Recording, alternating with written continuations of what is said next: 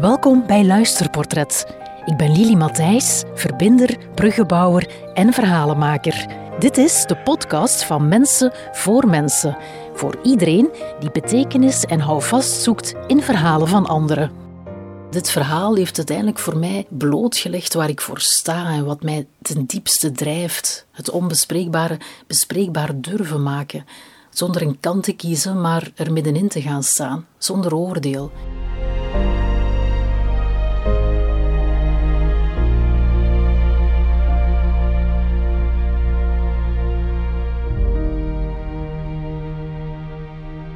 Dag luisteraar. Dit wordt een beetje een atypische aflevering, omdat dit uh, een verhaal is van mezelf, Lily, de maker van deze podcast. Het zal daardoor ook veel korter zijn, um, omdat ik niet in gesprek ga, maar het verhaal gewoon vertel. Ik dacht, misschien moet ik zelf ook nog eens een verhaal vertellen, een persoonlijk verhaal. Um, ik heb deze podcast gelanceerd omdat ik heel hard geloof in de kracht van verhalen. Dat we heel veel uit elkaars verhalen kunnen halen. Dat we daar zelf onze eigen betekenis kunnen aangeven. Dat we daar steun, moed, vertrouwen, inspiratie uit kunnen halen. Voilà. En bij deze een kort verhaal, iets dat ik zelf ook uh, heb meegemaakt, waarvan ik denk dat vele anderen die misschien ook wel meemaken of nog kunnen meemaken. Het verhaal brengt mij eigenlijk um, toch wel een tijdje terug in de tijd. um, toen ik HR-medewerker was in een uh, organisatie. Ik was daar eigenlijk de eerste HR-persoon die ze aannemen. Zo gaat dat in een groeiende organisatie. Op een bepaald moment wordt er dan beslist, misschien moeten we toch iemand aannemen voor ja, het soft HR-gedeelte, zal ik maar zeggen. Want payroll, dat wordt uiteraard altijd gedaan. Um, dus goed, hè, ik herinner me nog uh, dat een van de zaakvoerders zei toen ik begon ja, ga eerst eens met iedereen praten om kennis te maken en te horen wat er nodig is. Oh, dat vond ik meteen een goede start. En hij zei ook nog, ja, er zullen altijd wel mensen zijn die zagen en, en heimwee hebben naar vroeger, dat het toen beter was. Maar ja, dat heeft geen zin, hè. Ik dacht, ja, oké, ik laat het op mij afkomen. En uh, ik was vertrokken. En op een bepaald moment, ik was er toen al wel even, um, zocht Chris me op. Een van de afdelingshoofden. Want hij moest zijn hart luchten. Ik noem hem even Chris, maar eigenlijk noemt hij anders. Soms moet je namen anonimiseren. Um, het is belangrijk dat ik een verhaal kan delen zonder iemand te schaden.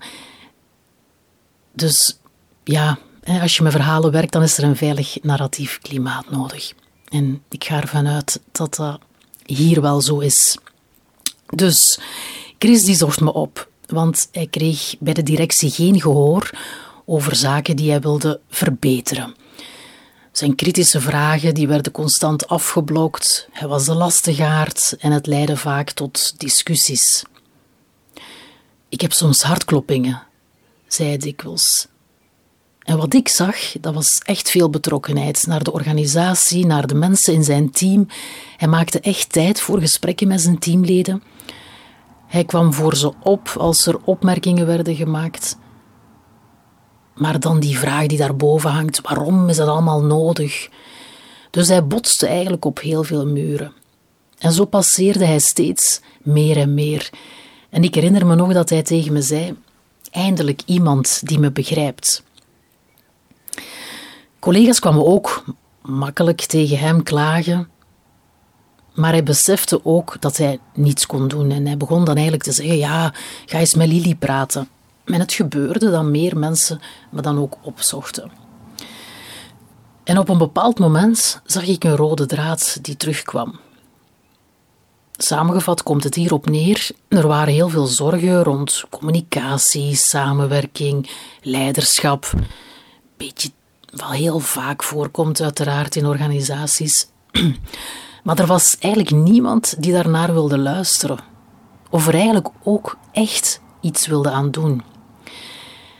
En ik zei, ja Chris, um, het is mijn plicht om hierover met de directie in gesprek te gaan. En ik vroeg om uh, met hen samen te zitten, want ja, dat, en dat hield me ook wel bezig van, ja, hoe gaan, hoe gaan ze reageren? Ja, als je zo wat heikele punten uh, aanhaalt, pijnpunten, groeipunten um, van een organisatie. Dus ik wist wel uh, dat dat spannend was, of ging zijn.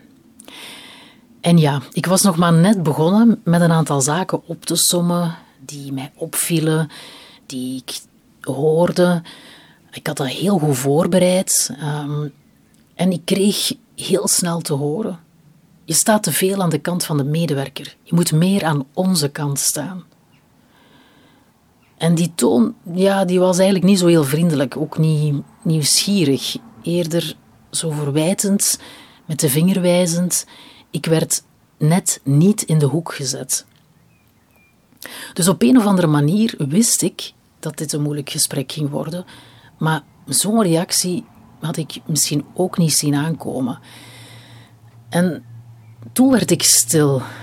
Ik, um, ik wist eigenlijk even niet meer wat zeggen en ik, ik werd ook heel triest, want wie dat mij kent, ik sta helemaal niet langs één kant. Ik sta het liefst ergens middenin, waar ik verschillende perspectieven kan tonen en verbinden met elkaar. En ik weet nog dat ik zei: het is mijn rol om te zeggen wat er leeft. Ik was, ik was eigenlijk in shock, omdat ik kennelijk niet mocht luisteren of daar iets mocht mee doen. Ook al werd dat in het begin zo wel gezegd: ga maar eens met iedereen praten om te kijken wat dat er nodig is. Was er dan echt geen ruimte voor al die perspectieven? Alleen maar voor dat dominante verhaal van er moet gewerkt worden, niet geleuterd. Dus ja, mijn intentie die werd uh, helaas niet gezien. En uh, de dag erop mocht ik vertrekken. Het vertrouwen was geschonden, werd gezegd. En ja, ik was even kwaad. Er waren ook wat traantjes, maar uiteindelijk niet zo heel lang.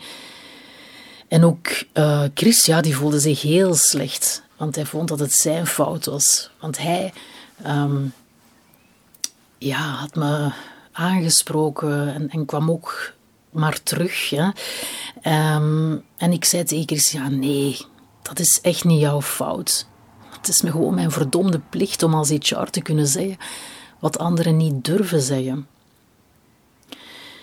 Dus ja, een verhaal met een happy en ook een niet-happy end. Uh, not amused, omdat mijn intentie niet gezien werd. En ook happy, omdat dit niet de plek was waar ik wilde werken. En het dus tijd was om verder te vliegen. Naar een warmer nest. En dat vond ik ook. Chris gaf me later nog een boekje met als titel Kop dicht, mond open.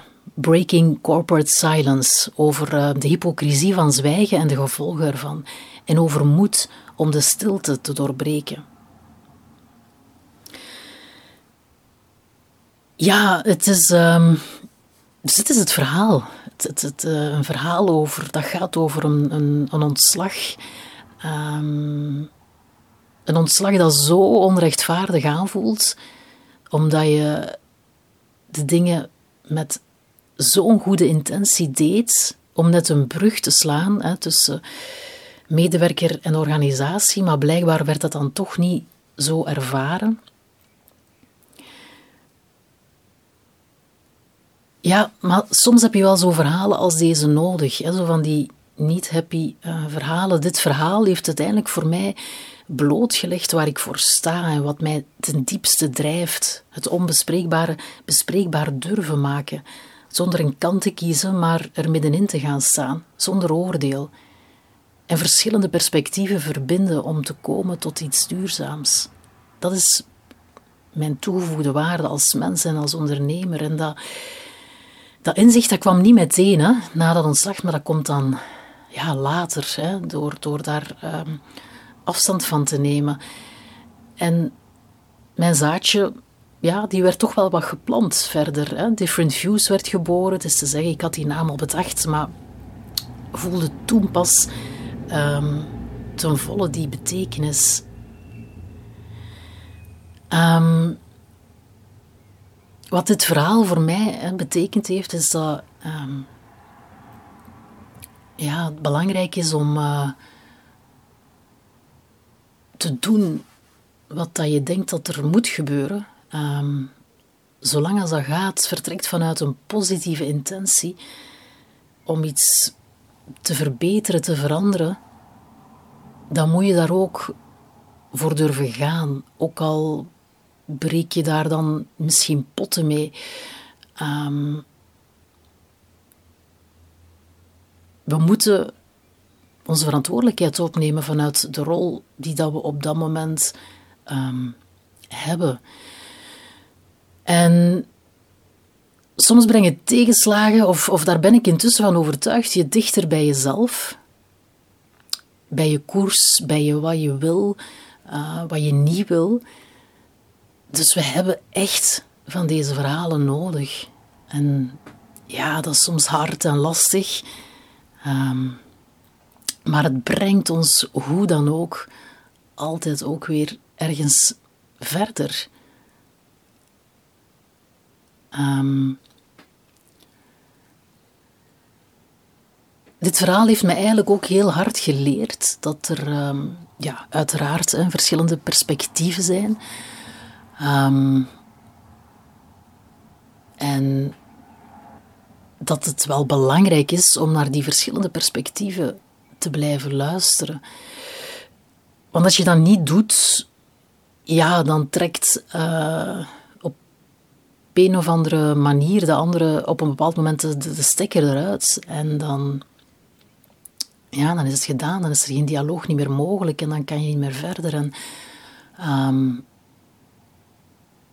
ja, wat brengt, wat brengt ons dat dan? Ook niet veel, denk ik.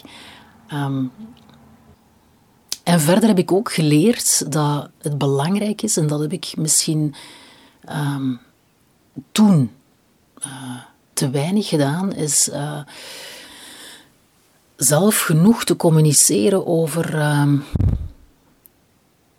waar ik mee bezig ben en, en, wat ik aan het doen ben. Misschien heeft, ik weet het niet, hè, het, het, argwaan opgewekt, opgewekt dat, ik, uh, dat mensen bij mij kwamen en maar kijk, dat is eigenlijk um, het verhaal dat ik heel graag met jullie wilde delen.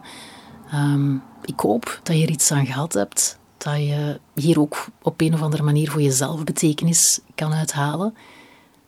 Bedankt voor het luisteren. Tot later. Dag. Bedankt voor het luisteren. Wat heeft dit verhaal voor jou betekend? Misschien wil jij ook een verhaal delen en anderen mee inspireren? Wist je dat je je verhaal ook kan verpakken en schenken aan iemand? Neem een kijkje op de website luisterportret.be. Het zou fijn zijn als je de podcast volgt en erover vertelt, zodat er nog meer gesmuld kan worden van betekenisvolle verhalen.